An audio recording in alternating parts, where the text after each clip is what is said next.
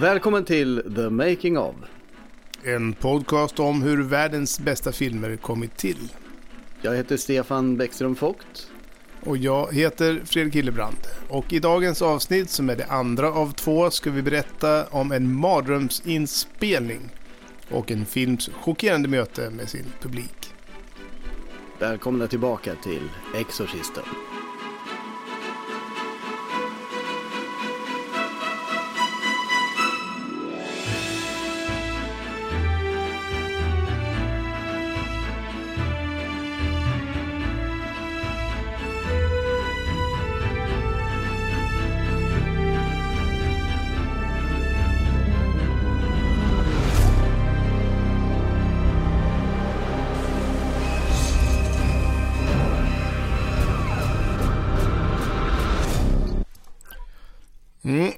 Förra avsnittet hörde vi om hur författaren William Peter Blatty imponerats av den unge regissören William Friedkin och insisterade på att han skulle regissera filmatiseringen av storsäljaren Exorcisten.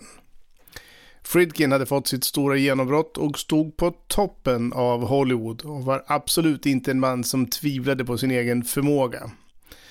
Hur det påverkade inspelningen kommer vi att dyka ner i under den följande timmen. Och här får du svaret på hur man kan få folk att flyga genom luften utan datoranimationen, huruvida inspelningen var förhäxad och hur man ska förhålla sig, eller kanske inte ska förhålla sig, till ett barn som ska spela besatt av djävulen. Mm.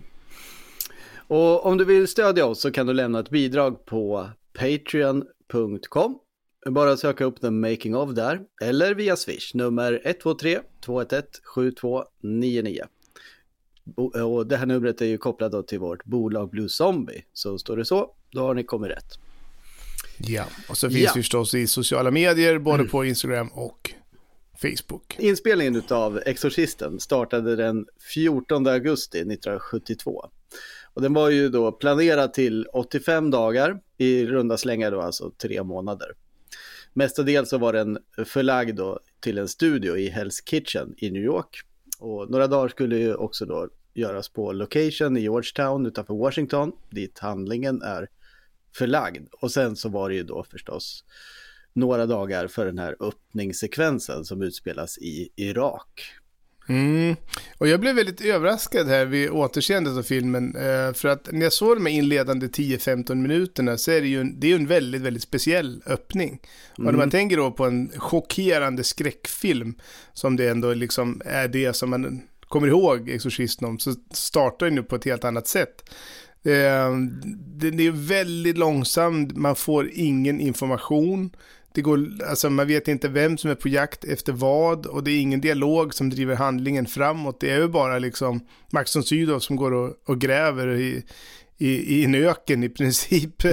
eh, så det är väldigt, ett, eh, det är väldigt, en väldigt modig öppning på en, på en film. Men det är, någon form av obehag finns det ju och den har ju liksom ett, eh, en, en, ett, ett eget uttryck som är ganska unikt. Och man förstår ju först senare vad det är som han faktiskt håller på med. Mm. Han går runt där. Ja, det finns trots allt en, en spänning som man ändå har lyckats fånga. Som jag, jag tänker på liksom Exorcisten 2, den där uh, Heredic eller vad den hette. Uh, som ju var så jävla långsam istället. Det blev, blev ju, alltså man försökte med samma approach lite grann liksom, men, men det fanns men det ju bara ingenting där. Liksom. Ja. ja. nej, nej, nej, det är det, om det är tom, tomt skal så. Nej, men det, det, får man ju ändå tillskriva honom, liksom hans förmåga att skapa någonting eget, eh, Friedkin här, som, ja. som, som funkar. Han, eh, Friedkin säger ju att eh, liksom, han hade ju som sagt en bakgrund som dokumentärfilmare och eh, det ser man ju här förstås. Och eh, han menar ju då att dokumentärer har rough edges, eh, vilket mm. han gillar då. Eh, och den här utgrävningen i början av filmen var en riktig, en riktig utgrävning som de bara stötte på när de var där på plats mm. i mm. Irak. Så jag undrar ju liksom vad, vad planen var när man tar ja. hela filmteamet till, till Irak då. Men eh, uppenbarligen då så placerar de Max von Sydow då mitt i den här existerande utgrävningen och, och, så börjar de bara köra. Det var dokumentärt helt eh, och hållet egentligen. Och mm.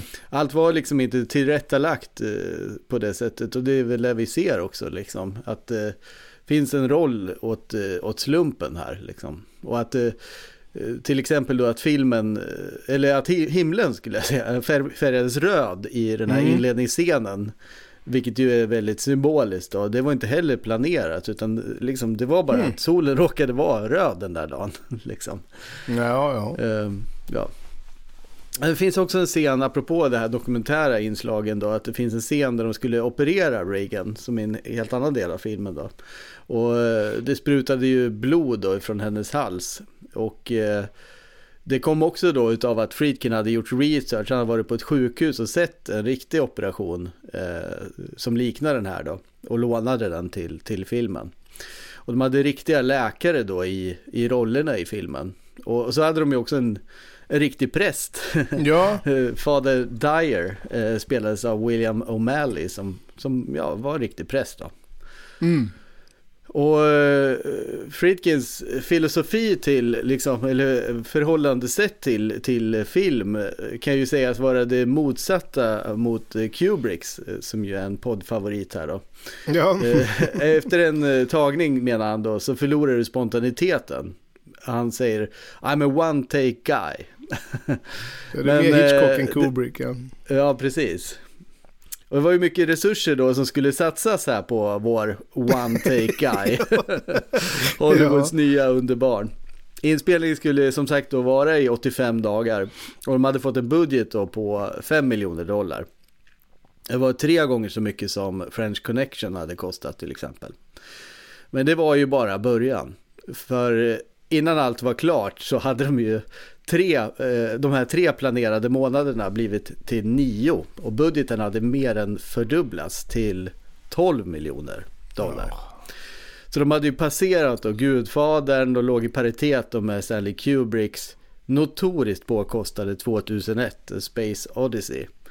En eh, film med ett helt annat omfång får man säga. Mm. Och en annan genre, för det är ju det när vi är inne på skräckfilm, det brukar ju inte vara särskilt dyrt. Va? Nej.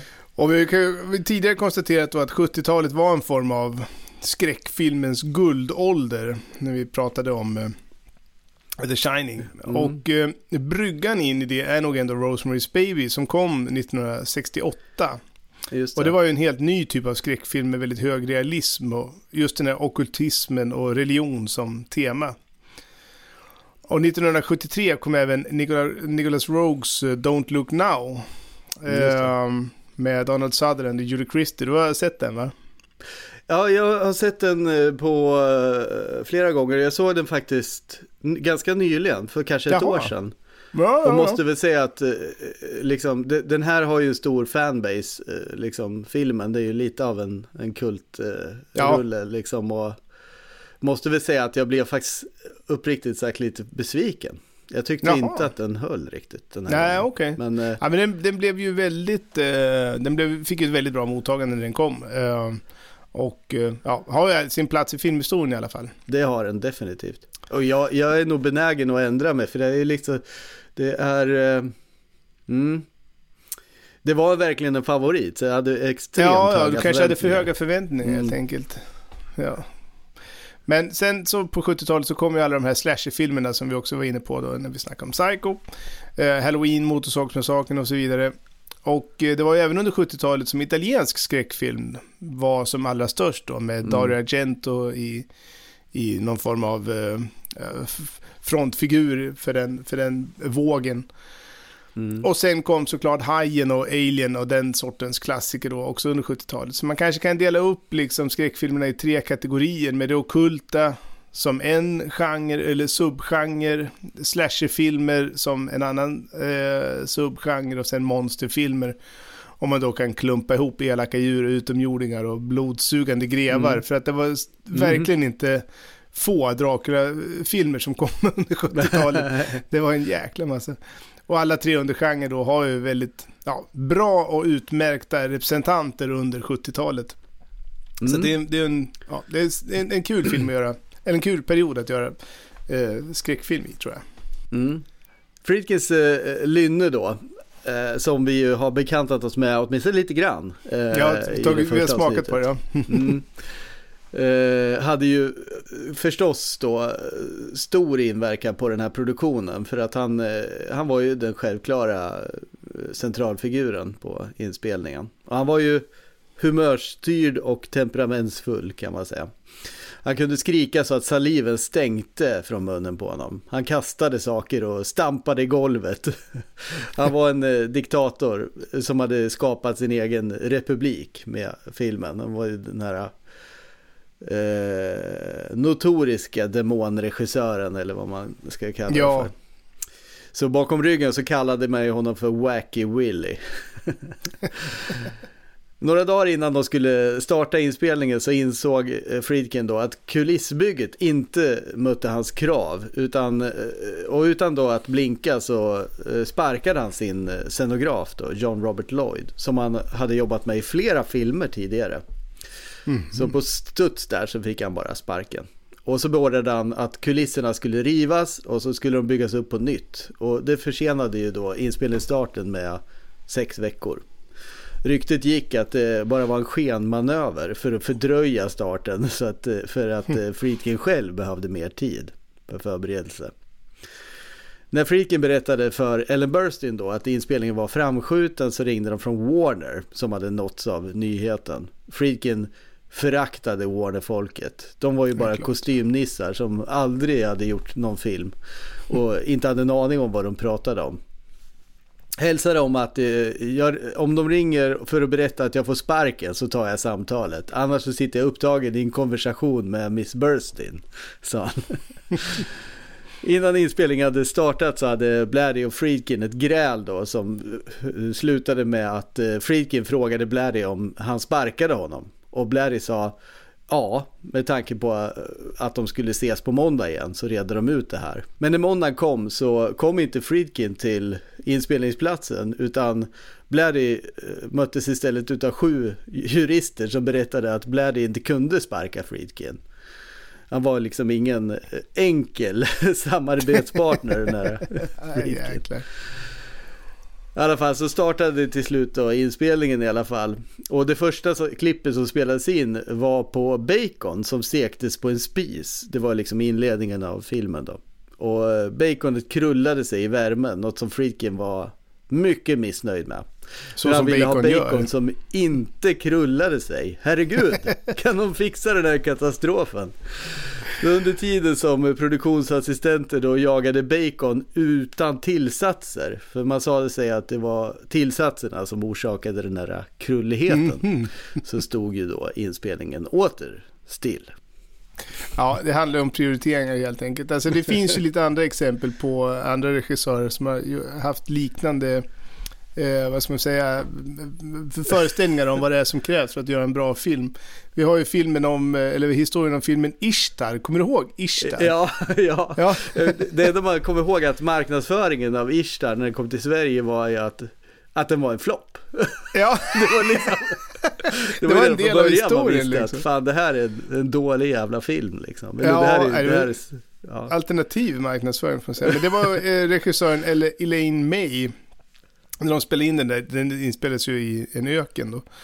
Och då hade hon eh, hittat ett ställe med sådana här fina sanddyner liksom som eh, sådana här kullar i, i öknen där med den där sanden. Men när de skulle gå igång då så ångrade hon sig och tyckte att det skulle vara snyggare om öken var platt. Så att de fick gräva ut eh, allting och platta till alla de där sanddynerna. Gräva ut öknen. Ja, precis. Gräva med stora maskiner och sånt där. För det, det, det, ja, det är ju ganska besvärligt. Och så är det så Terrence Malick som sköt en hel film i Magic Hour. Och en Magic Hour är ju inte en 60 minuters timme så att det var ju otroligt ineffektivt. De kunde ju bara filma liksom i ja, 40 minuter om dagen ungefär.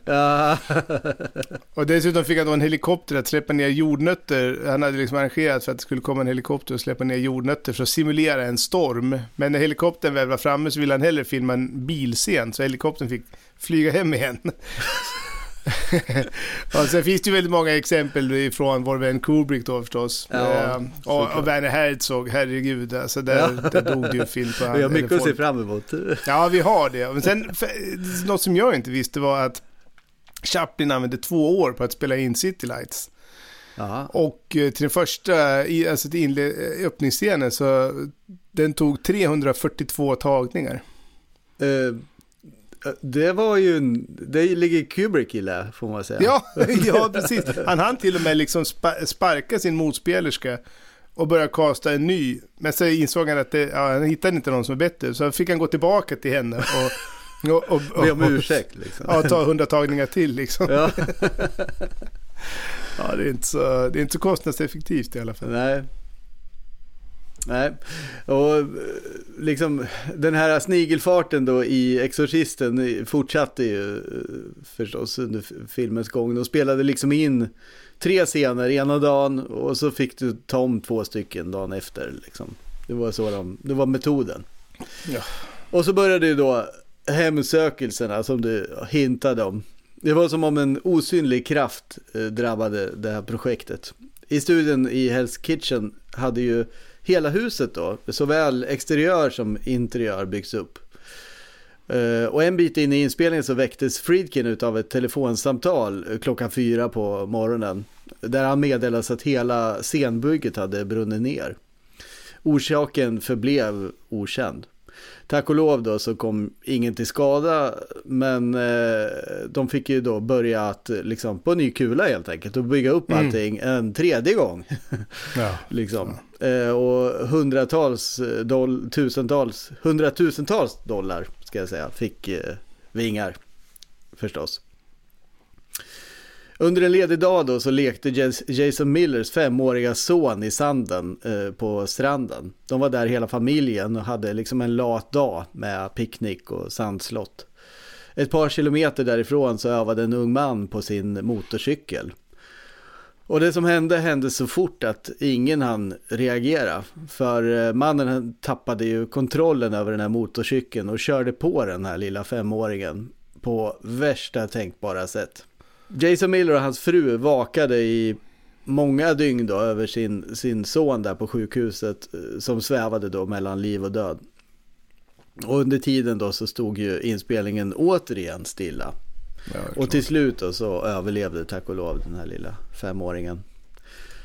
Och olyckorna fortsatte att dugga tätt. Sprinklersystemet utlöstes om och om igen. En birollsinnehavare dog.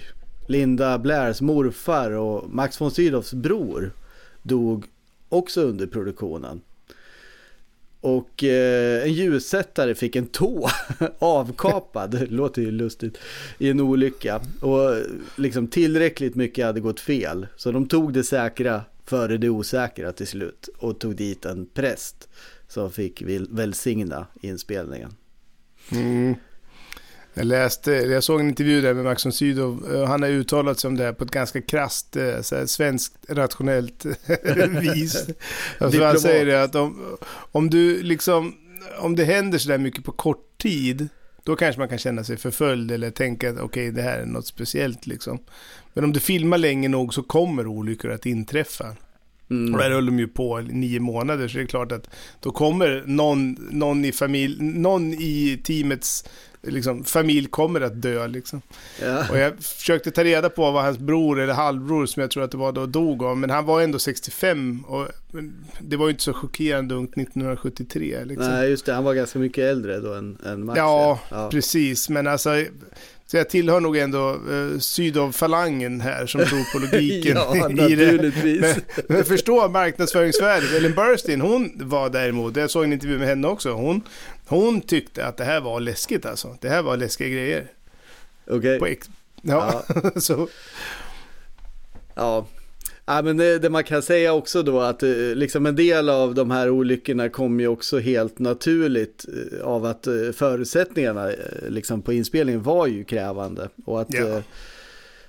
det var en sån som Friedkin då som höll i rodret som man säger. Och i en scen då så knuffar ju Regan iväg sin mamma med övernaturliga krafter då.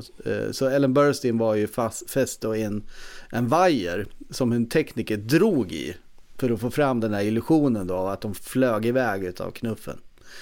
Och efter tredje tagningen så började Burstyn klaga till Friedkin att tekniken, eh, han ryckte henne för hårt.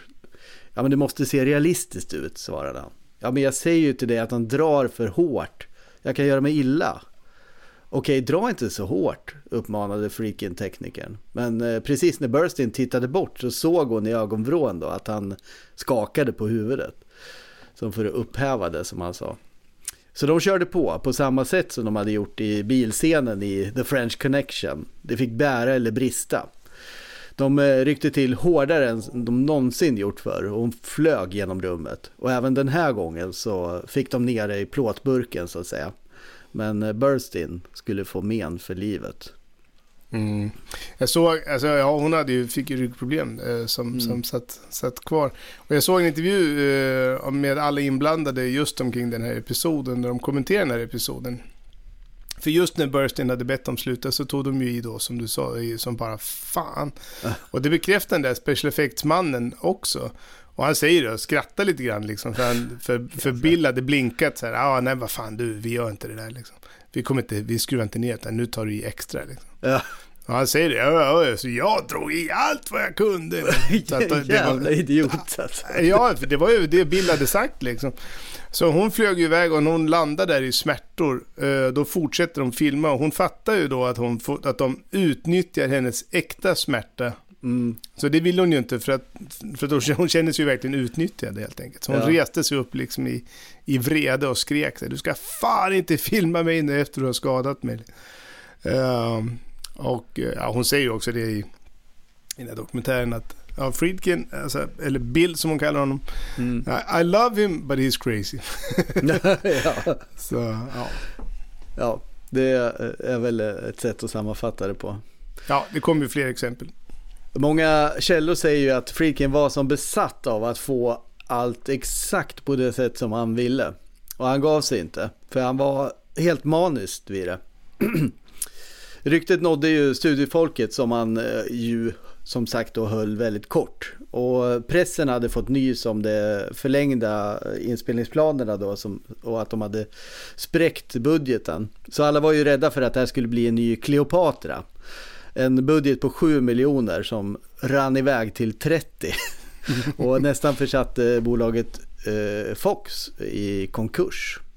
Och det här hade ju hänt då tio år tidigare men det var ju liksom ett landmärke som satt sina spår. Och som vi också kommer att återkomma till eh, senare den här säsongen. Ja. Så eh, Friedkins omsorg om detaljer var ju ifrågasatt. Eh, det som räddade honom var dagstagningarna. För det han fick ner i burkarna, det var så bra att de lät honom hållas. Casting directorn, alltså rollbesättaren för Exorcisten var samma kille som senare skulle arbeta med Ridley Scott. Och eh, var den också som upptäckte en relativt okänd Brad Pitt i castingen av Thelma Louise. Men eh, utmaningen han fick i Exorcisten var annorlunda kan man säga. Mm. Han skulle hitta ett fyllo till en sekvens som i det slutliga resultatet skulle vara i ungefär två sekunder. Men som ändå hade ganska stor betydelse för att de, de eh, den här, det här fyllet kommer ju hemsöker kan man säga då. Jason Miller. Eh, i hans... Ja, just det. Ja. Men eh, Friedkin ville ha autenticitet då, så han fick ju ge sig ut då bland Manhattans barer och leta. Och bar efter bar gick de till liksom och gav sig i kast med fyllbultar. Tills eh, då den här casting directorn hittade Vinnie Russell. Och Vinnie såg ut att vara i 60-årsåldern men var i själva verket strax över 40. Hans adress var ju då senaste baren som han var på. Och för att de inte skulle förlora honom iväg till nästa bar så försåg produktionen då Vinny med fria drinkar tills det var dags för tagning. Han behövde ingen kostym, eh, han funkade liksom som han var. Och sanningen att säga så var det ju ingen som ville hjälpa honom av med hans kläder. Nej, säkert. Vinny var ju rejält berusad under inspelningen och det krävdes en ängels tålamod för att få honom att uttala den här repliken då som Friedkin ville eh, på det sätt som han ville. Och det var ju bara en enda eh, replik egentligen. Can you help an old altar boy? I'm a Catholic. Och det tog fem timmar att få till det. Och eh, precis när de var på väg att ge upp då så levererade plötsligt Vinny repliken rätt. Mm. Månader senare då under ljudläggningen så upptäckte de dock ett bakgrundsljud som de inte kunde tvätta bort. Eh, så de måste liksom då ta om den här repliken en gång till. Så efter att leta då med ljus och lykta då på Manhattans barer så hittar de Vinny igen då. Och de eskorterade honom till inspelningen och vid det här laget så hade Vinny inte något minne alls av att ha spelat in den där scenen. Så han såg, han såg sitt ansikte på en stor filmduk där han uttalade den här repliken om och om igen. Och, och freaken ville ju bara då, ja men säg den här repliken så som du gjorde här förra gången liksom. Vinny var ju som förtrollad. Hur hade han hamnat på den där stora duken? Och vad var det han sa egentligen?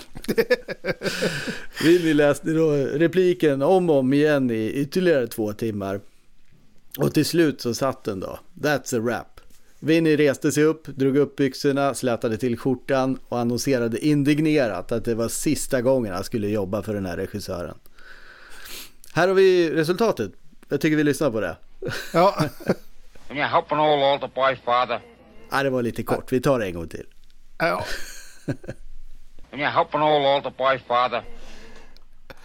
Alltså jag tycker att eh, Friedkins eh, eh, status som the one take guy börjar bli lite naggat i kanten här. det känns inte som att han liksom lever upp till sin eget predikat. Nej, det är sant. Det är så sant. Ja, det var inte bara eh, Vinny som tröttnade på Friedkin under inspelningen av Exorcisten. För eh, Friedkin, eh, han gillade ju också då att spela spratt för att få de här reaktionerna som han önskade. Det var lite old Hollywood kan man säga över honom.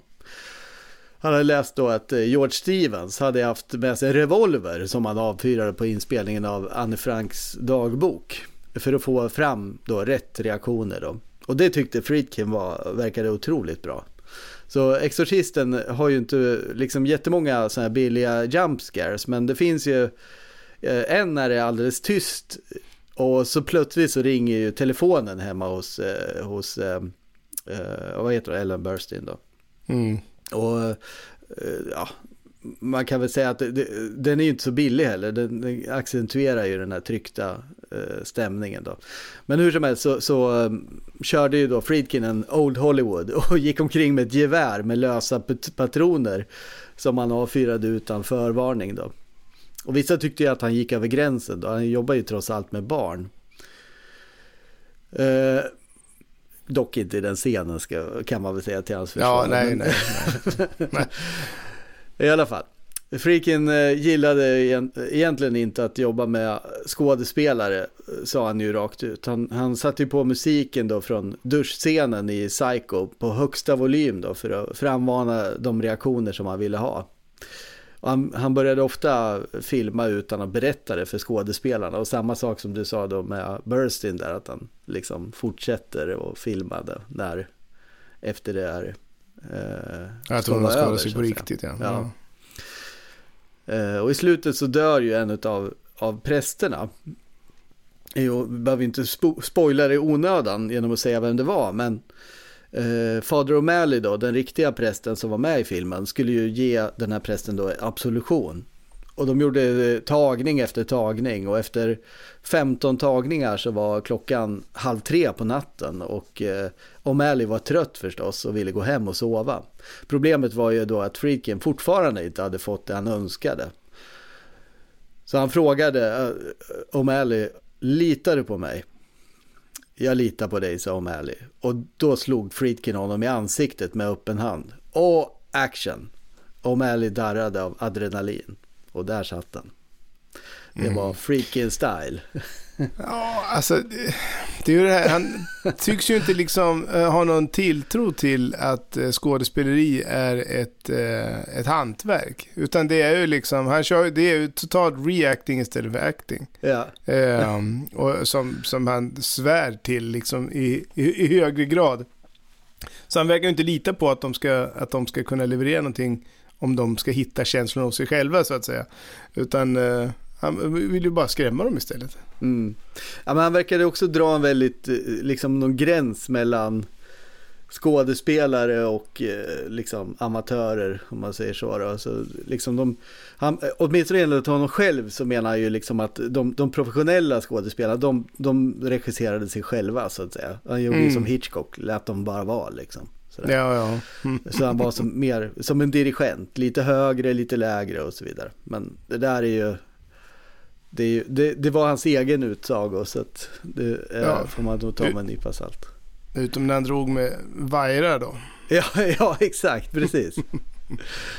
ja, det var ju den här legendariska makeup-artisten då, Dick Smith. Härligt namn får man säga. Mm. Som eh, året innan hade förvandlat Marlon Brando till Vito Corleone. Han har ju ganska mycket på sin meritlista den här Dick Smith. Men nu skulle han ju ägna då två timmar per dag för jag, jag, tror faktiskt att han gjorde också den här Little Big Man om jag minns rätt. Alltså du ja. vet när Dustin Hoffman åldras till, han är väl Men Ja just det, det, ja, just det, det, är en sån, ja, just det, det är en lång jävla film. Jag visste ja. inte att, att, han också blev äldre i filmen. Jag trodde bara var jag. Jag trodde det var bara var jag som blev äldre när jag såg den. att det var, det var på riktigt. ja, i alla fall, eh, så nu så skulle han då eh, förvandla Linda Blair då till olika faser utav besatthet här. Jag vet inte, vad, vad har du att säga om det här, liksom, de, de är tre? ja, ja jag, har ingen klar bild av Little Big Man faktiskt. Men eh, jag, jag, tycker nog ändå att less is more. Va? Eh, så jag tror nog på sitt sätt att jag föredrar hans arbete med Gudfadern framför ja. det här gummiansiktet i... Men ja, det, mm. det, det är en svår uppgift förstås. Så var det. It's the power of Christ that compels you. The power of Christ compels you. That The power of Christ compels you. The power of Christ compels you. The power of Christ compels you. The power of Christ compels you. The power of Christ compels you. The power of Christ compels you. The power of Christ compels you. The power of Christ compels you! Det eh, var ju dags då för själva exorcismen, filmens mest eh, påfrestande sekvens. Och eh, tekniken hade ju inte nått fram då till The Shinings nivå där de eh, eh, ju använde den här formaldehyd då för att skapa illusionen utav kyla när det själva verket var, var eh, ganska varmt. Och istället så gjorde man ju det mest uppenbara valet. Så med hjälp av en jättelik aircondition så förvandlade de rummet till en stor frys och sänkte temperaturen då till minusgrader. Så under veckor och månader så arbetade de i iskyla, minus 10 grader. Och filmteamet hade ju på sig vinterkläder då förstås, men skådespelarna hade ju inte det eh, privilegiet. Det fanns ett speciellt då, värmerum utanför där de kunde spendera tiden eh, när kameran inte var igång. Men det hjälpte inte för alla blev sjuka. Alla utom Linda Blair trots att hon bara hade ett tunt nattlinne på sig. Mm. Max von Sydow var ju eh, ett speciellt val av en eh, filmkonnässör då som, som Friedkin var förstås. Och eh, var ju förstås då beundrare av Ingmar Bergman och hade ju sett eh, von Sydow i, i hans filmer. Mm. Alltså Bergman och Max von Sydow träffades inom teatern i, i Malmö och sen gjorde de ganska många filmer tillsammans.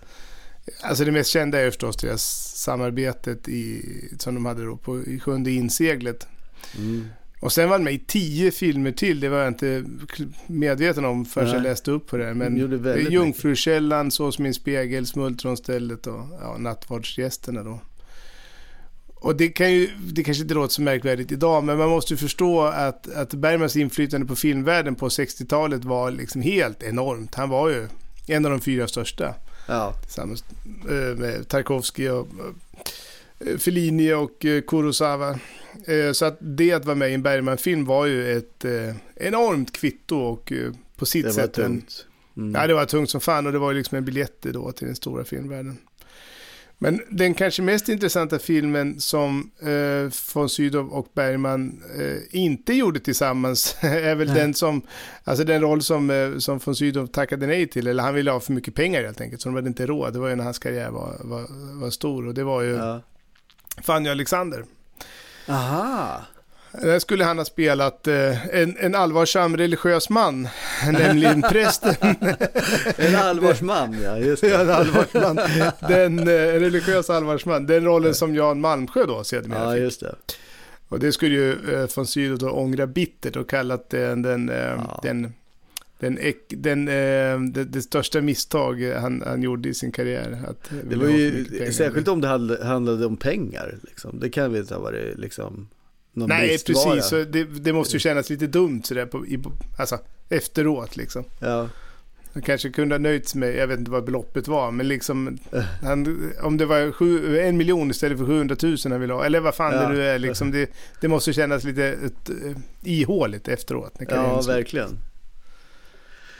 Ja, som sagt, det, det- liksom det sjunde inseglet var ju första filmen som, som eh, Max von Sydow gjorde. Så det var ju en väldigt eh, liksom flygande start han fick, får man säga. Ja, det får man säga. Och året innan så hade han ju spelat en roll eh, i en, en annan film, eh, Rätten till att älska, ska jag säga. Så det var ju mi- min mindre film, så att det, det var väl kanske egentligen den första. Och vet du vad hans karaktär hette? Nej, Bergman förstås. Bergman, passande. roligt. Ja. Ja, när det kom till Fader Marins nyckelscen då, så, eh, alltså Fader Marin, Max von Sydow, han var ju liksom utmattad och med vekt hjärta så skulle han eh, samla sina sista krafter för att säga i cast you out clean spirit in the name of the Father, the Son and the Holy Spirit. Varpå djävulen då skulle svara med att spräcka taket på Regans sovrum. Och det var ju en, en riktig effekt det här liksom, som mycket i Ja. filmen. Att det, liksom taket sprack på riktigt. Så när von Sydow inte levererade sin replik som han, han skulle eh, göra då, så fick de eh, börja om med ett nytt tak helt enkelt. så det var ju tur att, eh, att eh, von Sydow hade lite skinn på näsan eh, efter att ha jobbat med Bergman i så många år. ja. Och Max eh, levererade inte sin replik med någon vidare passion då. Och det var tak efter tak eh, efter tak som gick åt helt enkelt. Och till slut så var de uppe i sex eh, tak som de hade avverkat. Alltså sex dåliga tagningar. Och de hade nått en punkt då de inte hade råd med fler tak helt enkelt. Så Friedkin undrade, vad är det som är fel egentligen liksom? Och eh, von Sydow motiverade sitt spel då med att eh, liksom, det är det mest kraftfulla sättet att re- liksom, leverera en replik på är att göra det tyst. Mm. Och det, det funkar ju säkert då med Ingmar Bergman. Men Ja. eh, inte i Exorcisten. För i det här läget då, så ska de ju liksom eh, driva ut en demon och det är ju liksom crescendot på filmen. Så nej, det, det funkar inte. Så vad är felet egentligen? Jag får ju inte färdigt den här scenen menade Friedkin. Ska jag be Bergman att komma och regissera den? Nej, det är inte det som är problemet. Bergman kan inte fixa det här, sa von Sydow. Ja, men vad är det då? Orden känns inte sanna. Jag tror inte på dem, för jag tror inte på Gud, sa von Sydow. Men Max, du har ju spelat Jesus. Friedkin refererade ju då förstås då, det som du nämnde tidigare, mannen från Nasaret från 1965. Och det var ju också han den där George Stevens som regisserade den. Alltså han som sköt med revolver på, på Ja. Franks dagbok. Ja, ja. Så eh, liksom han tyckte ju att eh, liksom det här med, med eh, du spelar Jesus, det här med tro måste du ju ändå kunna. Men det gjorde inte von Sydow. Så han, för han sa då, ja, men jag spelade Jesus, jag spelade honom inte som en gud, utan jag spelade honom som en människa. Och det var det som blev också lösningen till den här scenen då. Ja men spela Fader Marin då som en människa, sa Friedkin. Han har inga superkrafter, han är en vanlig människa som, som styrks av sin tro. Ge mig några minuter, sa von Sydow. Friedkin gav honom några minuter och under den tiden då så gick han och skrev om manuset. Eh, så att Fader Marin dog och Fader Karras fick göra färdigt exorcismen på egen hand då. Det var en nödlösning som aldrig skulle behövas visade sig för nästa tagning var Max von Sydow helt perfekt. Han nailade den till slut. Låt oss höra hur det lät. I cast you out! Unclean spirit! Shove it up your ass In the name of our. Lord Jesus Christ! It is He who commands you! He who plunged you heights of heaven to the depths of hell! Fuck him! Be gone Fuck him, Garrus! from Fuck this him! creature of God! Be gone in the name of the Father and of the Son and the Holy Spirit! by this sign of the holy cross of our Lord Jesus Christ, who lives and reigns with the Father and the Holy Spirit. Damien! Amen. Jag skulle säga det också att eh, när Max von Sydow kom på första inspelningsdagen eh, så hade han en scen då med Linda Blair. Och eh, han ställde sig upp där och, eh, och scenen gick igång och hennes första replik är Your mama sucks cock in hell. och han var ju en väldigt artig, höflig typ liksom. Så han var tyst, la han huvudet på sned, stod han av sig glasögonen och så bara ja, jag, jag- jag ska ta en liten paus. Jag hade liksom aldrig hört en föreställning liksom en tolvårig flicka skulle kasta de orden i huvudet på honom. Så han tänkte det var en lite våldsam start för honom. Ja.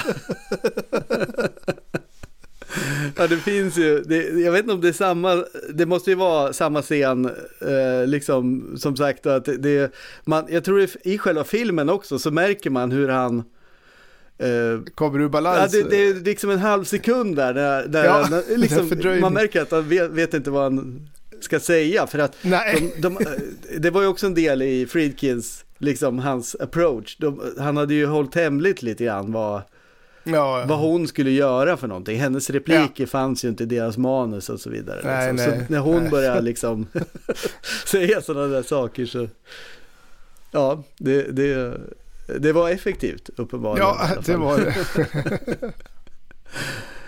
Linda Blair då var ju fastspänd med en sele vid en, en dold platta då. Eh, Så när hon låg på sängen eh, så kastade tekniker henne fram och tillbaka, upp och ner med en våldsam kraft. Och vid ett tillfälle så lossnade metallbit och, och det gjorde fruktansvärt ont i hennes kropp då när den kastades upp och, och ner mot den liksom om och om igen. Så hon började skrika då, make it stop, sluta, liksom. Men hur ska man kunna förmedla att de ska avbryta när själva repliken då är make it stop? Ingen förstod att det var på riktigt. Åtminstone ville Nej. de inte förstå. Nej, det kanske var det. Eller så hade de inget safe word liksom. Uppenbarligen inte. Men Nej. det, safe word var ju inte Friedkins metod, eller hur? Nej. Sharon, things have gotten worse since I found you. I think you better go upstairs. She having spasms again? Yeah, but they've gotten violent. Did you give her the medication I gave you? Yes. What was that? Dorothy. Well, that was Ritalin. Chris, doctors. Mother, McNeil, Dr. Taylor. please, what is it? What's happening? Stop! It's burning! It's burning! Do something, Doctor. Please help her. Please, Mother! We'll make it stop! He's trying to kill me! Mother! Mother! Make it All right, we'll get in and see what to do. Keep away! The sour is mine! Och så kräktes hon. De gick igenom en mängd olika märken utav ärtsoppa innan valet landade på Andersons Pea Soup. Den hade rätt konsistens och färg. Linda Blair hatade ärtsoppa och det blev inte bättre utav att hon en, liksom gång på gång fick ha munnen full då med, med det. Om du söker noga då på auktionssajter på, på webben då så kan du hitta burkar då med Andersons soppa då signerad utav Linda Blair. Det skulle ju vara någonting att ha i bokhyllan kan man ju tycka. Your mother's in here with his cash. Would you like to leave a message? I see that she gets it.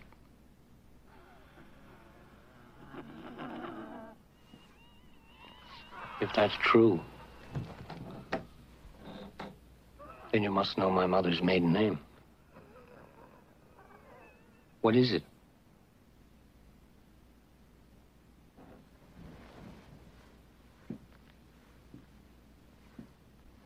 What is it?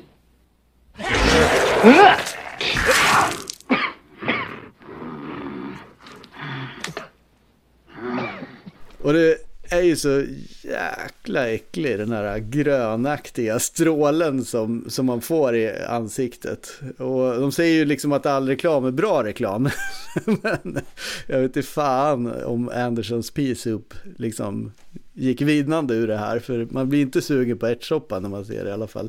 Nej, jag tror nog heller inte Linda Blair har ätit det sen dess. Nej. Det var ju så att de hade också en slang, när de där våldsammaste kaskadspyorna, då hade de ju en slang som var monterad under hennes hals. Eh, Eh, och eh, den kunde de ju styra trycket på. Så när Jason Miller stod där så visste ju inte han precis. vad- Så att han fick det ju rätt i ansiktet. ansiktet, och det var, ja. ja, ja, så Han i ögonen och allting. Nej, nej, inte att det skulle vara så våldsamt. Så det var ju ännu en sån där chockeffekt. Och han blev ju också helt skogstokig liksom. ja.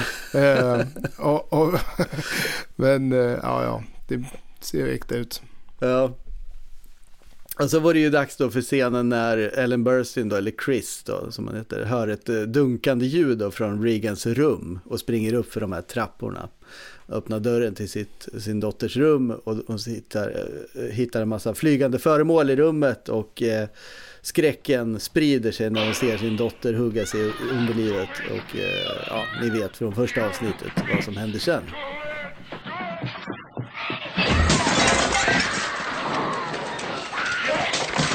Flick Jesus, fuck you! Flick Jesus, fuck you! Liam, fuck you!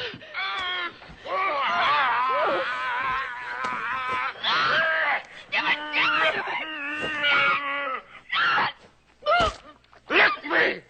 Lick me! Handen som höll i krucifixet tillhörde ju då 29-åriga e- Eileen Deeds. Men det spelade ingen roll för William Blatty. För han tog eh, Friedkin åt sidan här. Jag trodde vi skulle göra antydningar att eh, kameran skulle panorera upp och bara visa handen med det blodiga krucifixet. Det här är ju alldeles för mycket. Låt publikens fantasi jobba, sa han. Friedkin gav honom ett demoniskt leende tillbaka. Nej, jag tänker lysa upp det. Jag kommer att lägga ljud på ljud av hugg. Jag kommer att lägga det mitt i bilden och jag kommer att få eh, att göra det fantastiskt motbjudande och vulgärt. Och det är det som kommer att få publiken till bion. Och Bladdy trodde ju att Friedkin gjorde ett fatalt misstag där och då, men med facit i hand så ändrade han sig. Jag förstod att han hade rätt och den insikten var fruktansvärt deprimerande, sa han. Men fan, det är ju han som har skrivit det. Liksom. Det var han som började. Men det är inte, för det var det här jag tänkte på, är, är boken mera subtil när det gäller de här grejerna? Nej, alltså just det där är med precis så där faktiskt. Ja. Är det med Eh, spindelgångar och eh, det här med huvudet som vrids 360 Nej, grader? alltså det där med spindelgången, det är ju faktiskt intressant för att det är ju inte med i filmen heller. Men ändå är det ju, eh, är det ju, den är ju först med i en senare, han la ju in den i, i den senaste versionen. Ah, Men det är ju inte med i den ursprungliga. Ah, okej. Nej. Ja. Eh, och jag kommer faktiskt, eh, jo det är också med i boken, men han tyckte att det var för tidigt i filmen att hon blev så eh, skrämmande. Liksom. Men det lustiga är att den, den eh, scenen hade ju många sett framför sig fast den inte är med i filmen. Den är ju inte alls med i den ursprungliga versionen. Vi- Vilken menar du? Spindelgången. Spindelgången? Ja, ja. Ja. Mm. Nej, men det här med, med, med korset och eh, de, det hon säger, det är med i boken. ja. Mm. Mm. Sen skulle det då hittas musik till filmen och när filminspelningen var slut då på våren, i vår, under våren 73 så eh, var han ju lite sent ute eftersom det hade dragit ut så mycket på tiden. Så han tog, tag, tog fatt i Bernard Herrmann som vi kommer ihåg från avsnittet om Psycho. Lite. Ja.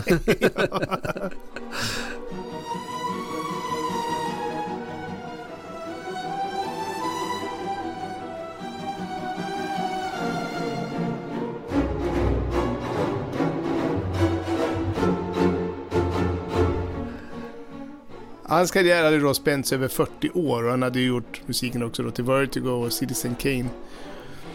Och visningen av grovklippningen var över och en lång tystnad följde. Det var en väldigt obekväm tystnad. tystnad. Och sedan eh, sa Herman att han tyckte att filmen var skräp. Men att han kunde hjälpa till med musiken att styra skutan på rätt köl. Men då måste Friedkin klippa bort öppningsscenen som de spelat in i Irak. Och vad tror du Friedkin sa då då? Ja, det är ju, det tror jag inte att han eh, tyckte var något vidare bra. Nej, nej, nej, men det är ju filmens anslag som han hävdade och det sätter ju stämningen. Och så är, hör man då att det är bortkastad tid, du vill säkert behålla den för att den har kostat så mycket pengar att spela in, men sanningen är att den suger. Mm. Ehm, Det Ja, verkar som att Herman är av samma skrot och korn lite som Ja. eh, han är också 40 år på baken med de största regissörerna, så han har väl lite självförtroende. Ja. Ehm, ja, dessutom så ville Herman då använda en orgel i en kyrka i London för musiken, för orgelmusik. Eh, men orgelmusik var liksom bara inte alls det som Friedkin hade tänkt sig, för det kändes som en kliché ja, tyckte han. det. Och det kanske han också hade rätt i för övrigt. Ja, Mm. det blev i alla fall inte starten på ett långvarigt sam- samarbete. Och den nidbild då som, eh, eh, som, som Friedkin kände sig liksom eh, tvungen att leva upp till så gick han förstås ner på gatan med det som trots allt kom in som musikförslag och gick ner med de fysiska banden av soundtracket och körde över dem med sin bil och skrek att den här skiten ska aldrig hamna i min film. Liksom. Var bra att han gjorde det. Det var ju Ja, men han har ju en häftigt. sån där bild, alltså som är helt tillbaka från liksom tyska romantiken där, när man tror att okej, är man ett geni, då är man en skitstövel. Liksom. Ja. Man kan inte vara trevlig och regissör, man kan inte vara en stor konstnär och vara normalt fungerande liksom. Han har köpt hela den där premissen, alltså en till en. Så att istället för att bara säga att "Nej, vi måste prova någonting nytt så ska han liksom ta ur banden ur bandspelarna och köra över dem med sin bil. Ja, ja, det var inte bara Bernard Herrmann, det kom flera stora kompositörer vars förslag inte alls passade. Då. Och det där premiär, premiärdatumet i december började komma riktigt eh, obehagligt nära. Mm. Och så satte han sig då, Friedkin, med sin skivsamling och lyssnade igenom skiva efter skiva för att hitta inspiration. Och plötsligt så var den där.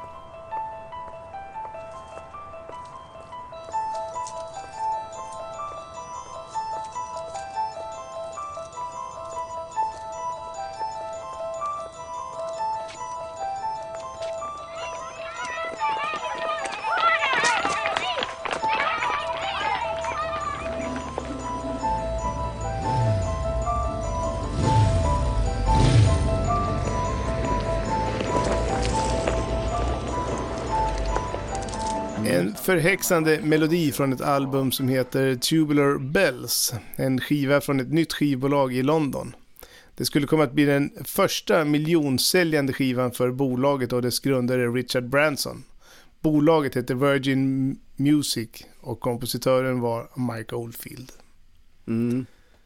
Det finns en, en liten annan eh, anekdot också då. För eh, liksom, Exorcisten gick ju upp då julen 1973 och precis Mm. då så seglade det upp en annan låt på topplistorna, eh, på ja, musiklistorna, popmusiklistorna.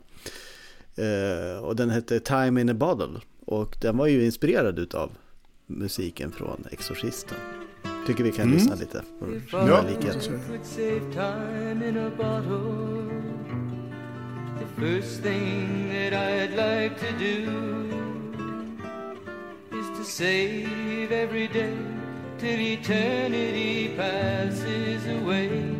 Just to spend them with you.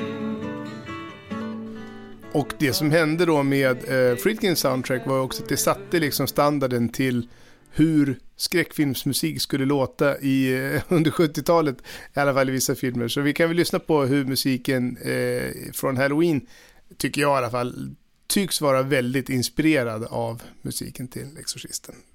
Mm.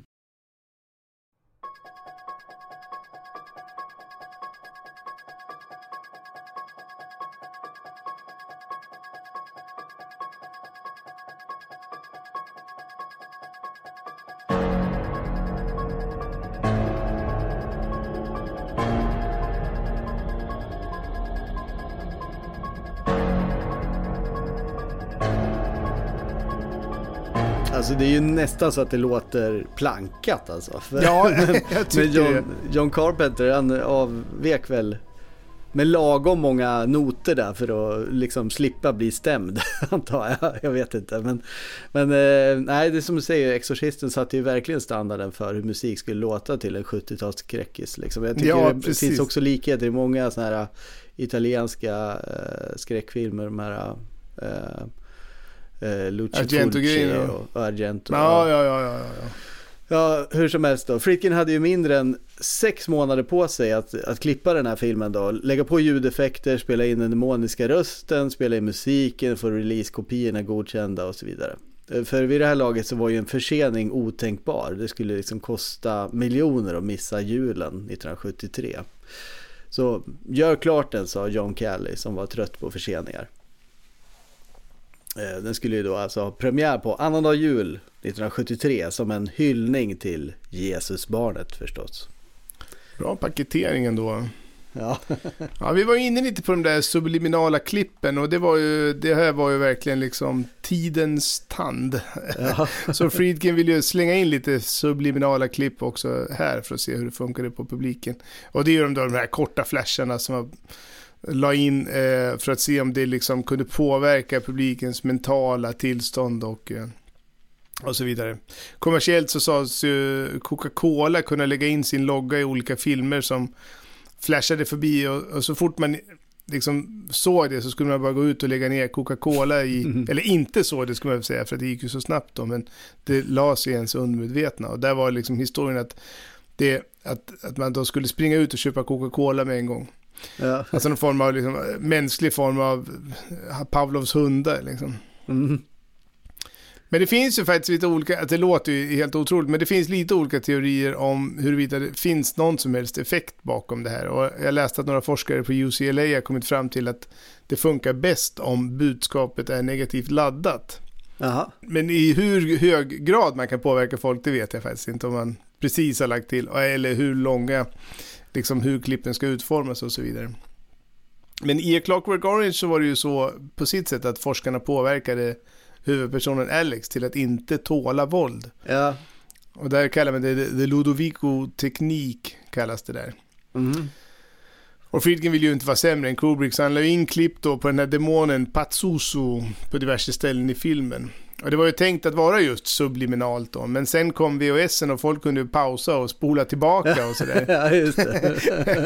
Så att det var väl inte riktigt subliminalt i originalet heller eftersom det är förhållandevis lätt att se. Det är ju inte liksom bara en, flame, eller en frame som flashar förbi, men ja, det är ju det är lite längre liksom. Ja, för, alltså Friedkin har ju också eh, liksom ägnat sig åt sista åren och liksom göra massa nya versioner av Ja. Exorcisten. Där bland annat då eh, subliminala klipp har lagts till då. Som, som du säger då, så är de ju inte subliminala för man ser ju dem. Nej, nej, nej, precis, precis. Men man kan läsa väldigt mycket mer om det här då på bloggen som heter captainhowdy.com som är Exorcistens ledande fansida sedan Oh. 1999 enligt egen utsago. Mhm. Och det finns en annan detalj där som jag skulle vilja att vi stannar till vid och det är ju, eh, ett populärt eh, ämne att debitera och det är det här användandet av baklängestal. Det används ju också i filmen och vi kanske ska lyssna på hur det låter där. Keep it away. It burns! Oh, it burns!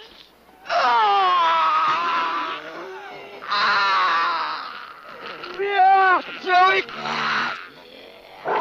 Nej, open the move! Please, ja? Cheers, my knife. Zoe! Ram! Ram! Who are you?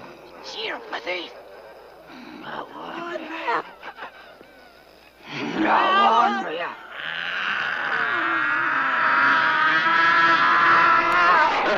Och i filmen då så tar ju Father Karras de här banden och eh, får dem undersökt hos en specialist för att se vilket språk det är. Och det tar ju ett tag innan han listar ut att det faktiskt är en baklänges då. Och det här, det var ju också något som sa, sa en subliminal effekt när man gjorde det i musik. Ja, För det är i hårdrockens värld och på 80-talet, jag vet inte om du kommer ihåg Ozzy Osbourne och Judas Priest och de där, de blev ja var beskyllda för mycket att lägga snack in om det. Ja, Ja, Att det det var, var- ja, det är lite såhär Sivert Öholm-varning. Ja. Liksom. Men de blev då beskyllda för att lägga in så satanistiska meddelanden i sina låtar med baklängestext. Och det hänger ihop med den här ockulta scenen som hårdrocken också var en del av med Pentagram och Aleister Crowley och 666, uh, The Number of the Beast och sådana där grejer. ja. Och som du var inne på även då mordet på Sharon Tate och kulten omkring Charles Manson och så vidare. Så det är en del av samma populärkulturella scen skulle jag vilja säga. Mm. Eh, som, dragningen mot det ockulta och lockelsen i det. Mm. Och det är ju samma kommersiella magnetism då som används i, i Blattys bok och sedermera i filmen. Det var ju ett problem som stressade William Friedkin eh, extra mycket liksom. Och det var ju hur, hur den här demonen skulle låta. Och det skulle ju vara helt avgörande för filmens succé förstås. Liksom. Nu har de ju liksom lagt nio månaders inspelning bakom sig. Så får man en fjösig röst, då, då liksom funkar det inte. Ja, fast nu har Men- vi hört det som succé även i, på andra marknader. Så, ja, Eh, succé eller succé? Ja. Las Ja, Jesus der Ficken, eller vad var Ja. det? ja. Hur som helst då, så eh, han ville ju då ha en eh, väldigt speciell kvinnoröst. Och apropå då, liksom det vi inledde förra avsnittet med, liksom just att, att eh, de har gått åt lite olika håll här. Men, men eh, som sagt, Friedkin ville ju att det skulle vara någon form av androgyn röst. Liksom mm. kommandes från en kvinna egentligen. Och så fick han hör, höras talas om eh, Mercedes McCambridge som var en framstående skådespelare för radion. Numera med en ganska dalande karriär då. Hon var 57 år gammal. Hon var en riktig karaktär. Hade tampats med sina egna demoner kan man säga. För hon var katolik, nykter alkoholist och hade rökt då i 30 år. Men eh, för att få rätt röst så insåg hon att hon måste göra saker med sin kropp då som hon inte hade gjort på väldigt många år. Det vill säga röka, dricka bourbon och göra märkliga röstövningar. Friedkin började protestera men hon fortsatte. Det är inte bara rösten, jag måste släppa loss demonen inom mig. Den finns där inne och vill komma ut. Så de hoppade in i en av Warners ljudstudios och Cambridge lät sig bindas fast vid sin stol. Hårdare, sa hon åt dem. Om Regan skulle lida så skulle även hon lida. Hon drack Jack Daniels då genom ett sugrör och blev matad med råa ägg och rökte cigarett på cigarett. I hela sitt liv så hade hon tampats med bronkit. Efter två timmar av inspelning brukade hon kollapsa och fick vila i en soffa utanför studion. Hon hade med sig ett par vänner då som var präster. Så de fick läsa böner över henne medan hon grät. Oj. Och sen var det ju dags då, på det igen helt enkelt. Liksom. Och om och om igen höll de på. Tio timmar om dagen tills de var klara. Och vi kan väl lyssna på ett klipp ifrån eh, den här studion tycker jag. Ja, låt oss göra det. You speak Latin? Ego te absolvo.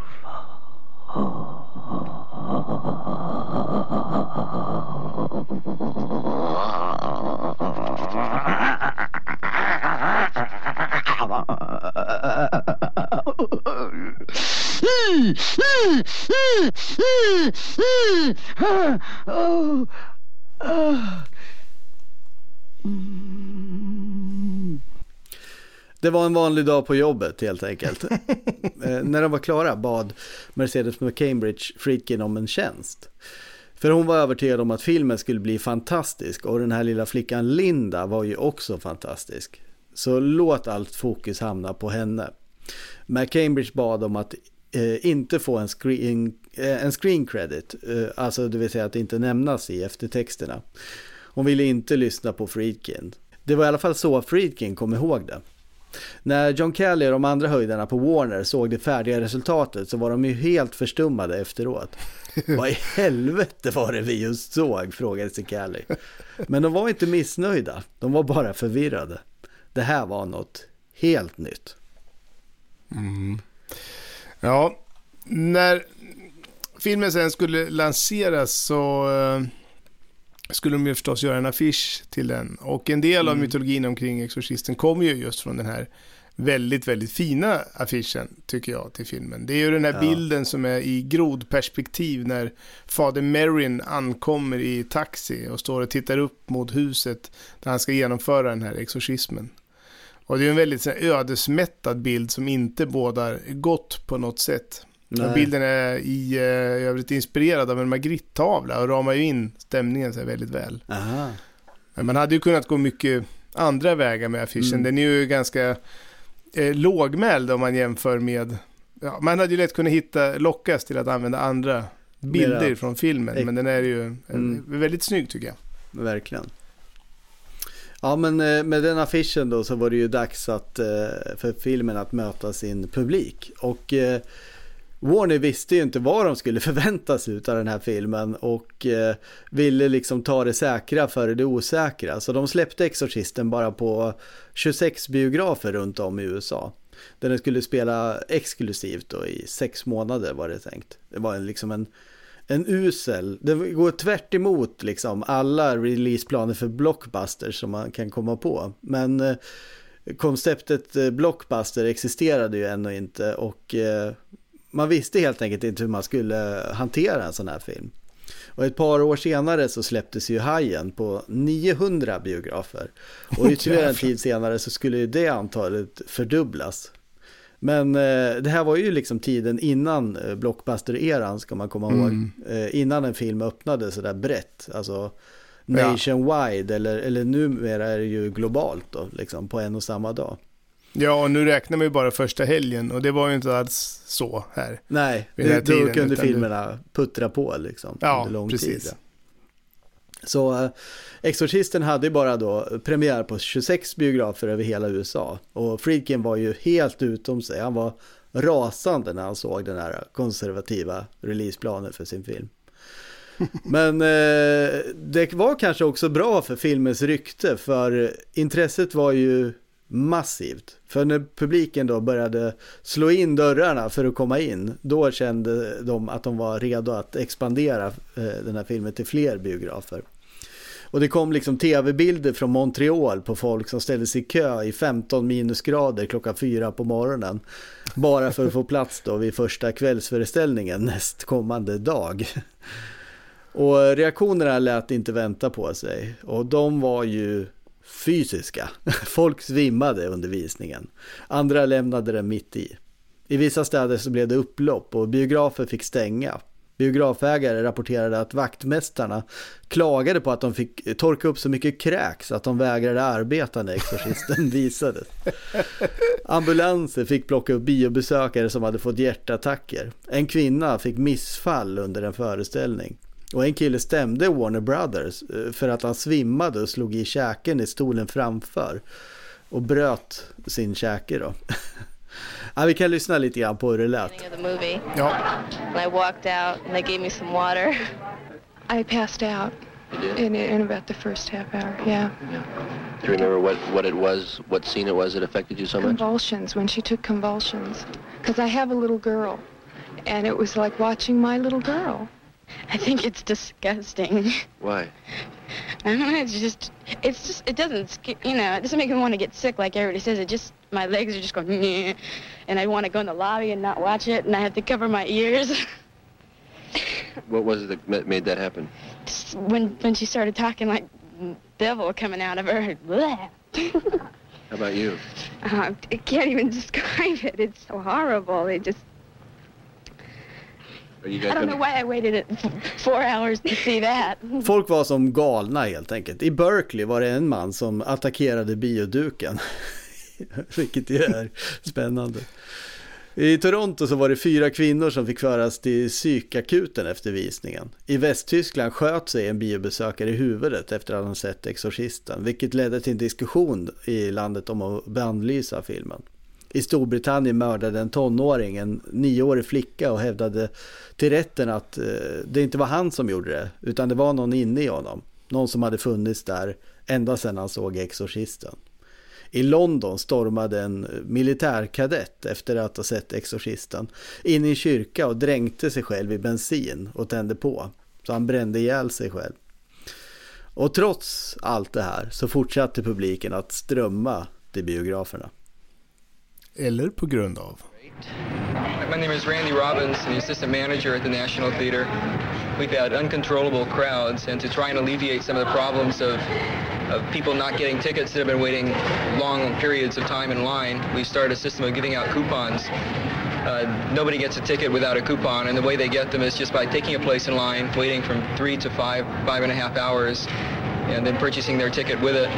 Only one coupon is given per person, and they can't buy a ticket we got re- without it, regardless. So what we do right now, it's four o'clock. We're giving out coupons for the eight o'clock show, which. Um, which will guarantee them a seat so they won't have to worry about whether they'll be getting in or whether they won't be getting in. Exorcisten kostade 12 miljoner dollar, vilket ansågs ju då som sagt vara alldeles för mycket. Men de 12 miljonerna var glömda redan efter öppningshelgen. Totalt så inbringade filmen alltså 112 miljoner dollar på bio. Inte 150, men det var inte långt ifrån. Nej, det liksom. är verkligen inte långt ifrån. Och eh, enligt en beräkning som man har gjort nyligen så har den totalt över tid och i olika medier spelat in 1,8 miljarder dollar. När box office-siffrorna började komma in så kom medarbetare, en medarbetare in på Callis kontor och dängde dem i hans skrivbord och sa Det finns killar i New York som ser de här siffrorna och inser att sådana här pengar kan man tjäna på filmbranschen. Vi har haft en fin tid här och den har varit mycket framgångsrik. Men det kommer bli väldigt, väldigt allvarsamt framöver. Och han fick ju definitivt rätt i det här liksom. För Mm. precis som Gudfadern gjort de senaste åren så förändrade ju Exorcisten branschen. Två år senare så gjorde Spielberg Hajen. Och ytterligare två år därefter så gjorde George Lucas Star Wars. Och det som Callis medarbetare insåg hade ju då infrias och skulle infrias om och om igen kan man ju säga. Ja, och det var ju det som vi var inne på i avsnittet om Gudfadern. Att de hade en, en period när de fick skapa stor konst utan stor inblandning. Men eh, sen började det drälla med mellan, mellanledare och eh, småchefer överallt. Eh, jajamän. Fram till 2017 så var ju Exorcisten tidernas mest inkomstbringande skräckfilm. Om man räknar till biljettintäkter då. Och det tog ju nästan 45 år tills en film skulle peta ner den från första platsen. Vet du, vet du vilken? Nej, alltså jag tänkte på om det kunde vara The Get, eller vad heter den? Get, Get Out. Ja. Eh, men, eh, men den, eh, jag vet inte om den, den kan väl inte ha varit så Nej, stor. jag tror att den har svårt att tävla i, den har ju mycket renommé men, men äh, här är det en bredare film får man säga. Mera popcorn. Det är ju It. Filmen Ja, It förstås. Movie förstås med Stephen King. Ja, det är klart. Ja, Också Warner Brothers. just det. Så var det dags för kritikerna att säga sitt. Man eh, borde ju tycka att det här är en film som har fått strålande recensioner. Att, att liksom, de skulle se det här som en film som förnyar och utvecklar filmen som medium. Eller vad, vad tror du? ja, Ja, retorisk fråga nästan. Ja, det är en vattendelare förstås, det, Ja. är- det, är- det är givet. Det var många som ogillar den här väldigt starkt. Och så starkt att vissa röster hördes för att liksom ta ner den från biograferna till och med. Och det vet vi att det finns ju inget som är bättre reklam för en film än väldigt starkt negativa åsikter. Ja, den blev ju kallad då för ondskefull och pornografisk, ytlig och narcissistisk. Och det är intressant också vad, vad kyrkan tyckte om det här liksom. Ja. Och eh, eh, alltså en inflytelserik fas, pastor då i den katolska kyrkan förbannade ju förstås eh, den här filmen och eh, liksom eh, menade att den stank av ondska och att djävulen fanns i varenda bildruta i den. Han Men, var eh, sjukt eh, aggressiv när Billy Graham han kampanjade verkligen mot den här filmen. Han hade en Ja. väldigt stor, stark röst i USA Ja. vid den här tiden. Så Ja. att eh, det höll på, alltså det kunde ha fått konsekvenser. Men förmodligen var det bara en del av, alltså blev det som en del av marknadsföringen. En, en, en ofrivillig del av marknadsföringen så att säga. Ja, Men han var, han var verkligen en, en, en, en, en stark, stark röst i USA under den här tiden. Mm. Men det var inte alla religiösa ledare som höll med Graham i alla fall. För i tidningen Catholic News så skrev en präst att Exorcisten är en djupt spirituell film. Mm. Temat är den klassiska kampen mellan godhet och ondska. Och i filmens slut så vinner godheten utan att förringa själva kampen och dess osäkra riktning. Jag, jag vet inte, eh, det, det är ju överraskande får man säga och eh, lite positivt tycker jag. Men eh, jag kan inte riktigt hålla med om att det, det är så entydigt eh, liksom lyckligt slut eller att godheten vinner i, i filmen. Det är väl ganska eh, tvetydigt skulle jag säga, som jag Mm. tolkar det i alla fall.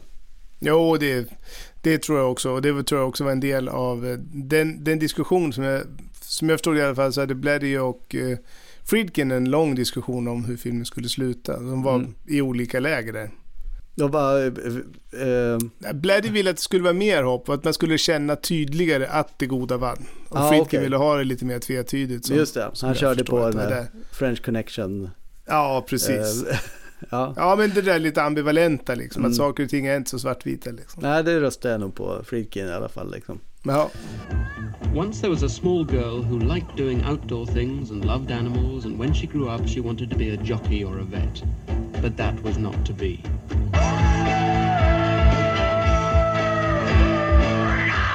Instead, she became a film star. She starred in a film that made people ill all over the world. What she did in the film was repulsive and grotesque, and the world wanted to be reassured that despite it all, she was still an angel faced, all American cutie. Linda, there are various rumours that you were affected psychologically by the film, um, which are no doubt untrue. But what is the situation? Did it disturb you in any way? No. It didn't at all. No, um, people I think just they felt that I'd have to come out kind of with problems or something, and that's how it started. I don't know, but no, I've never had any. Ja, Linda Blair då blev ju en storstjärna över en natt. Eh, och eh, det var ju en stjärna av en alldeles speciell karaktär. Hon fick ju hyra säkerhetsvakter, inte bara för att hon numera var en kändis, utan de fick skydda henne mot religiösa fanatiker som trodde att hon hade, eh, alltså var en personifiering utav Satan. Och eh, hysterin kring henne liknade liksom den kring Jodie Foster i Taxi Driver senare då. Och samma sak hände ju också ännu senare med Brooke Shields. Det var liksom en tidens tecken. Att det var okej att sexualisera dem trots att de var alldeles för unga. Men eh, de- var också med i en film utav en väldigt speciell typ liksom. Mm. De hade ju, alltså som man då kunde uppfatta det, gett, själva gett sig in i leken och då fick de tåla den så att säga. De kunde behandla dem hur som helst. ja, det kanske man kan säga om vuxna, men det kan man faktiskt inte säga om barn. Nej, verkligen inte. Linda Blair då fick ju eh, liksom härda ut eh, intervjuer och de fick frågor om eh, liksom vad hon hade att säga till alla föräldrar som anser att hon har blivit skadad psykologiskt av att spela den här rollen. Det var bara ett jobb, det var kul, sa hon. Och ingen trodde på henne. Kommer du någonsin att återhämta dig från det här, var följdfrågan. Många säger att du har psykologiska problem nu och det kanske förklarar ditt udda beteende. De ville liksom att de skulle vara förstörd Mm. på något sätt. Ja, Och den scen som orsakade störst reaktioner var inte någon av scenerna där Regan är besatt utan eh, ja, jag, jag vet inte om det verkligen stämmer. Jag, jag, jag tycker väl inte riktigt det. Men det finns ju den här operationsscenen som vi pratade om Mm. som var väldigt realistisk i alla fall. Liksom. Ja. Och det var många som reagerade väldigt eh, liksom fysiskt då på allt det blodet som, som eh, kom. Och där, som vi sa då, så hade de ju riktiga läkare i den här scenen. Ja. Och den scenen är ju känd av en helt annan orsak. Därför att det är ju en av röntgenteknikerna, Paul Bateson. eh, Han fälldes 1979 då för mordet på en filmkritiker. Och ja, det finns många skämt man kan dra om det här då, men, men Ja. eh, Bateson hade aldrig, nej, alltså Bateson hade ju aldrig gjort någon film och jag vet inte om hans offer hade recenserat Exorcisten. men, men det visade sig att den här Bateson då i alla fall, han var ju en sorts eh, Dexter, för han, eh, han skröt senare i fängelset om att han hade dödat sex andra personer också. Ingen av dem var dock kritiker. Så det var inte hans eh, signum. Nej. Annars hade det kunnat vara en sorts Agatha Christie-historia liksom, som utspelas på ett konvent för kritiker. Liksom. Slutet rum. ja, dåligt. Det här är ju ganska skruvat, men det kommer faktiskt eh, en, ännu en vändning i den här historien. För året efter det här mordet då, 1980, så kom filmen Cruising ut på biograferna. Och Al Pacino eh, spelar då en polis som går undercover i New Yorks gayvärld för att fånga en seriemördare. Och det här är ju alltså berättelsen om jakten på Paul Bateson. Och regissören till filmen är William Friedkin. Så där är cirkeln sluten. Jag tycker vi kan precis. lyssna en snutt på den här trailern bara för att få en liten koll på det. Ja, det tycker jag. Things happening to me, you know? A controversial and landmark film. Why don't you want me anymore? What I'm doing, He's affected me. About a New York subculture being terrorized by one of its own. There's just stuff going down. You know what you have to do. Now I'm afraid. Ja, sen kom ju då Award Season. Ganska kort efter, eh, några få månader efter premiären då för, för eh, Exorcistens eh, vidkommande. Och det här var ju 1974. Eh, och 2 april var det dags då att sätta sig till rätta för att se Oscarsgalan. Och detta var ju en tid som vi har pratat om eh, i avsnittet om Gudfadern som präglades av disruption, en krock mellan det gamla Hollywood och det nya Hollywood. Exorcisten fick trots allt inte mindre än 10 nomineringar. Ja, det var det, ju... Det var ja, det är sjukt mycket. Och det blev den första skräckfilmen som nominerades för bästa film. Men det var många i det gamla gardet som inte ville se Exorcisten vinna. Nej. Och hittills då på galan så hade Exorcisten vunnit för bästa ljud och för bästa manus. Men så var det ju dags då för kategorin som alla hade väntat på. Bästa kvinnliga biroll. Linda Blair var stor favorit. Charles Bronson och Jill Ireland var presentatörer. Vi kan lyssna. Well, now, the ladies nominated for Best Performance in a Supporting Role are Linda Blair for The Exorcist, Candy Clark for American Graffiti, Madeline Kahn for Paper Moon, Tatum O'Neill for Paper Moon, Sylvia Sidney for Summer Wishes, Winter Dreams.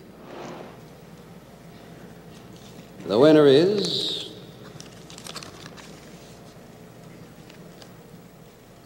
Tatum O'Neill.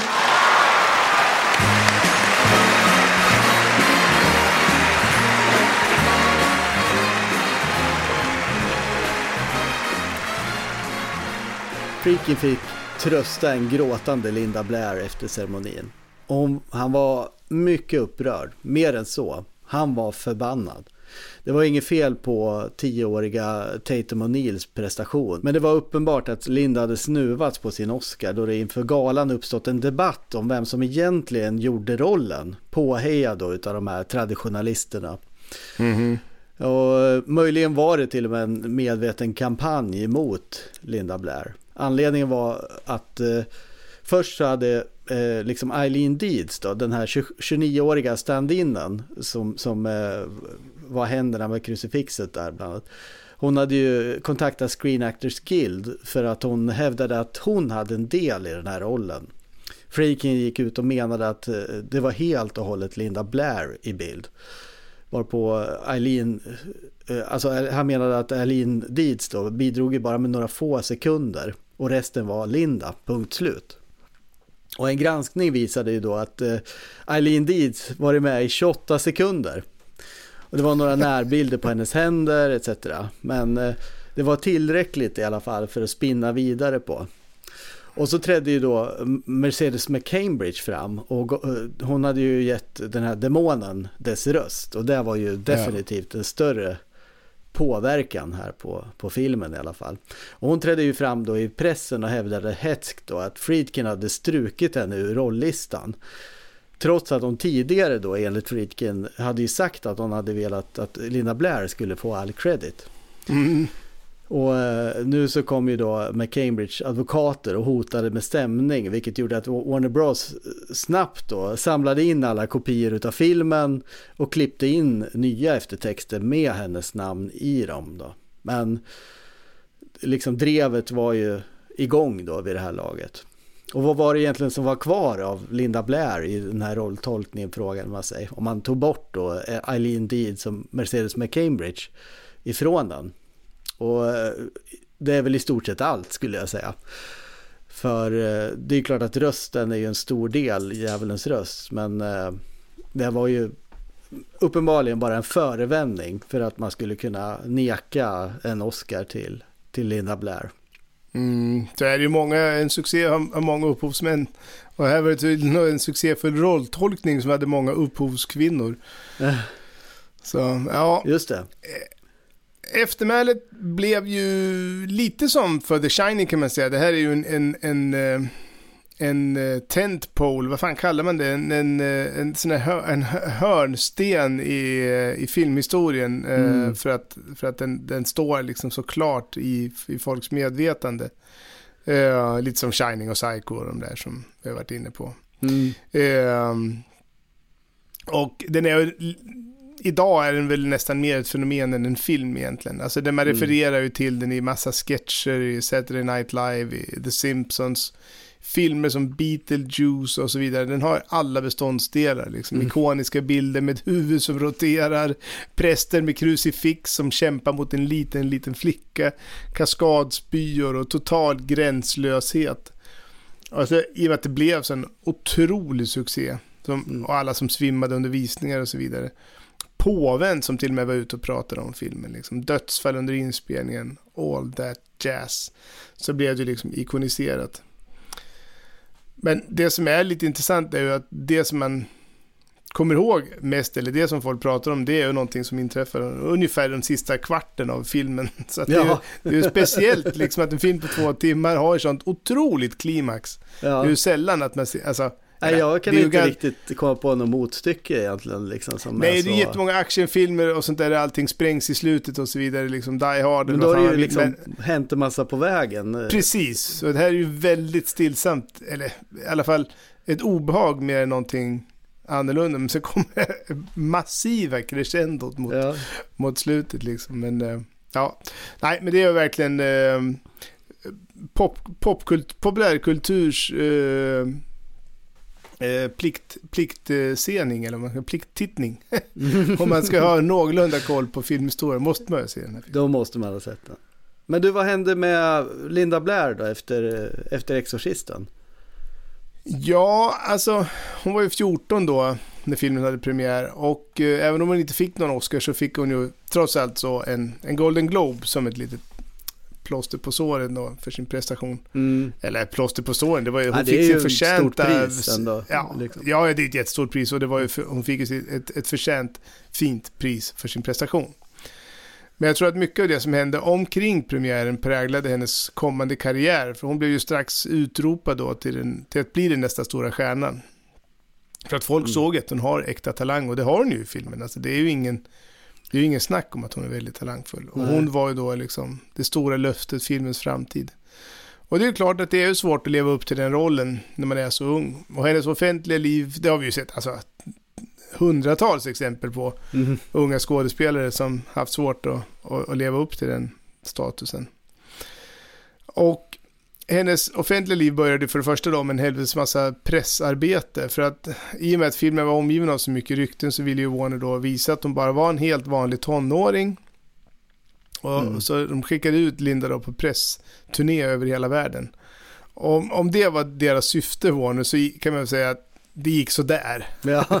alltså, för hon, hon spelade ju då så övertygande och så trovärdigt så när hon mötte eh, alla möjliga reaktioner när hon kom ut i världen. Liksom. I vissa länder skulle hon fråga på, eller svara på massa frågor om katolicismens roll i samhället, satanism, Ja, ja, missbruk och som kastades ut liksom framför en girig presskår som ansåg sig närmast ha rätt att ställa henne till ansvar för det som Blatty hade skrivit och Friedkin hade filmat. Liksom. Mm.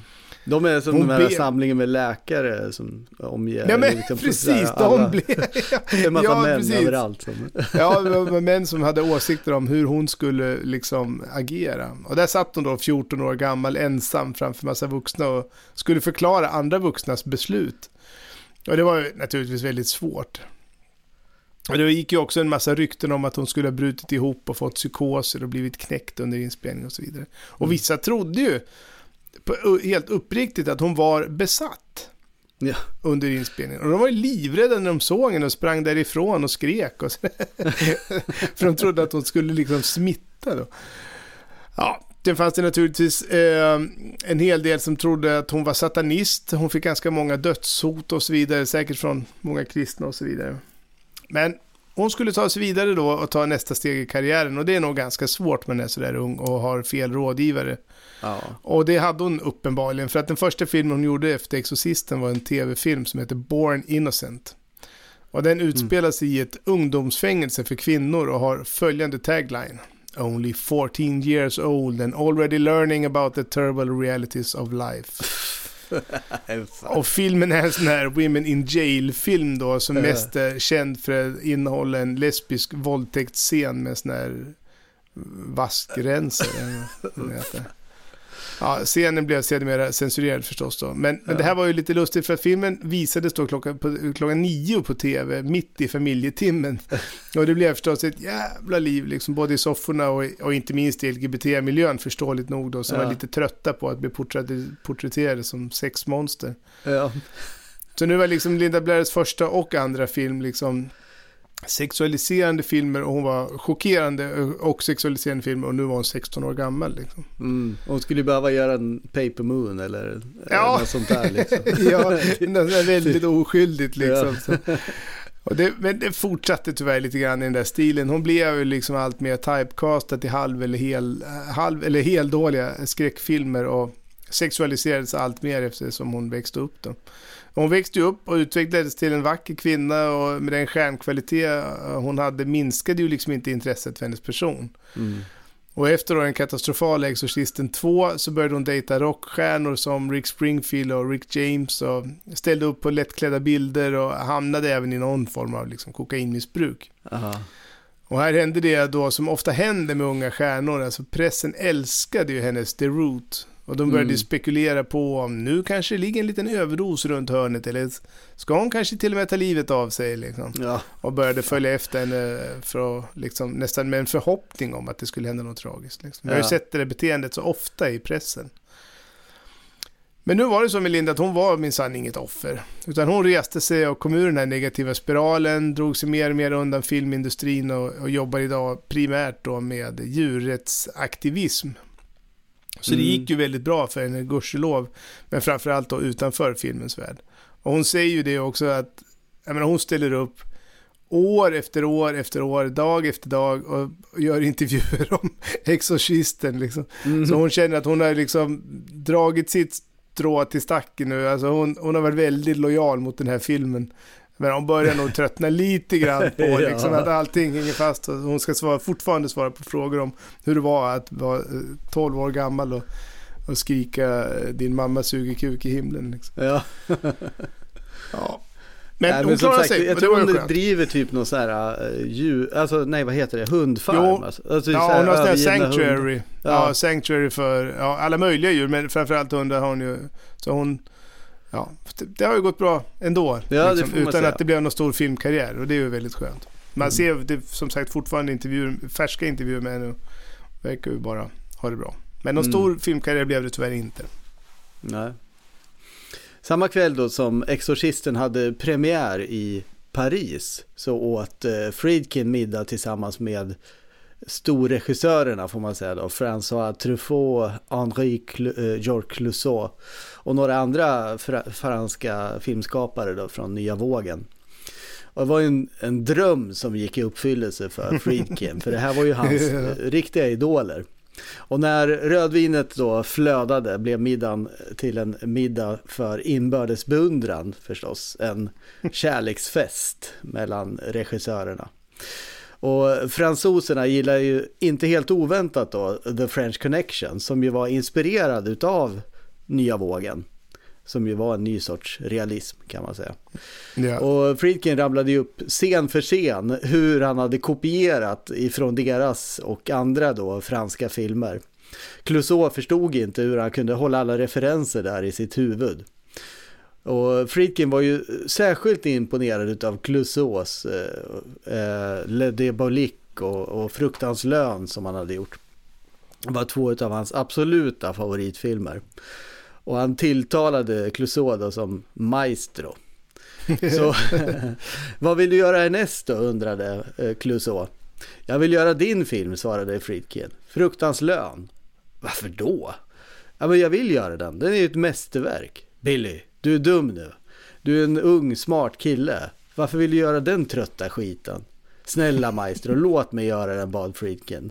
Och smickrad då så gav Clouseau honom rättigheterna till den.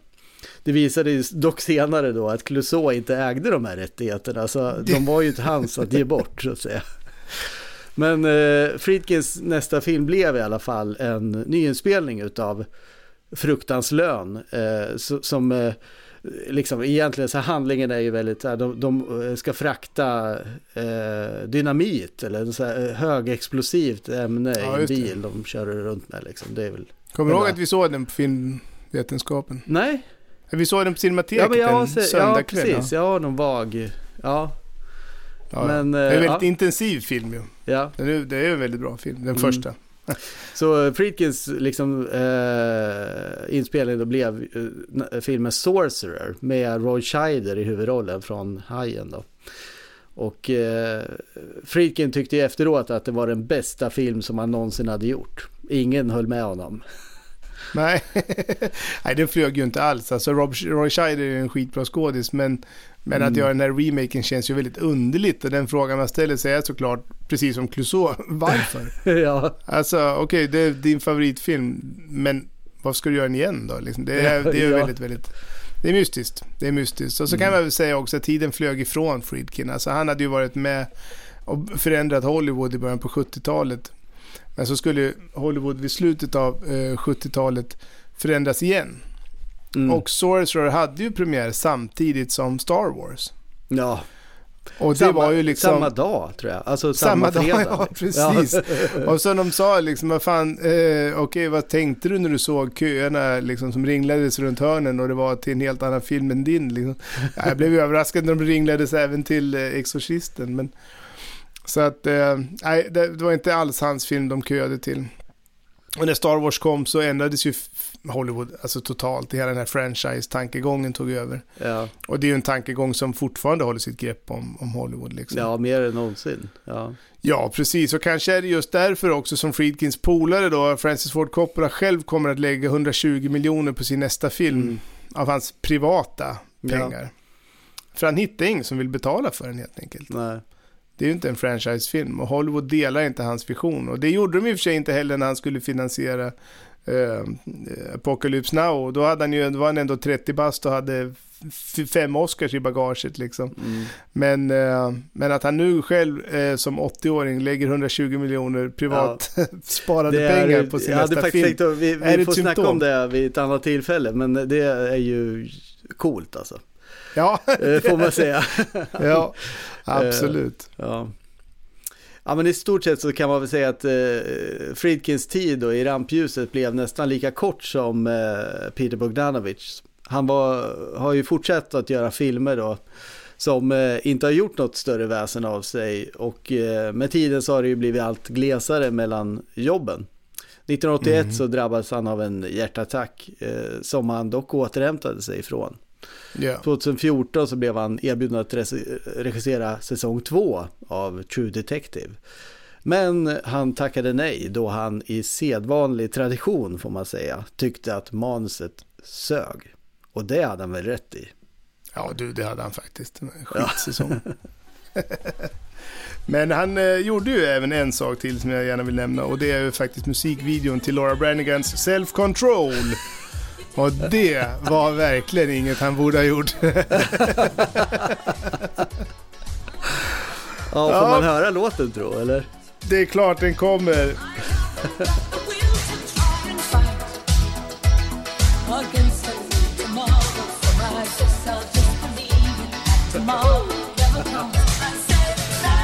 Yeah. Ja. Du har lyssnat på The Making of Exorcisten. Och nästa onsdag så är vi tillbaka med en ny film och ett nytt avsnitt förstås. Det är vi. Vi ses då. Mm, hej då! Hej!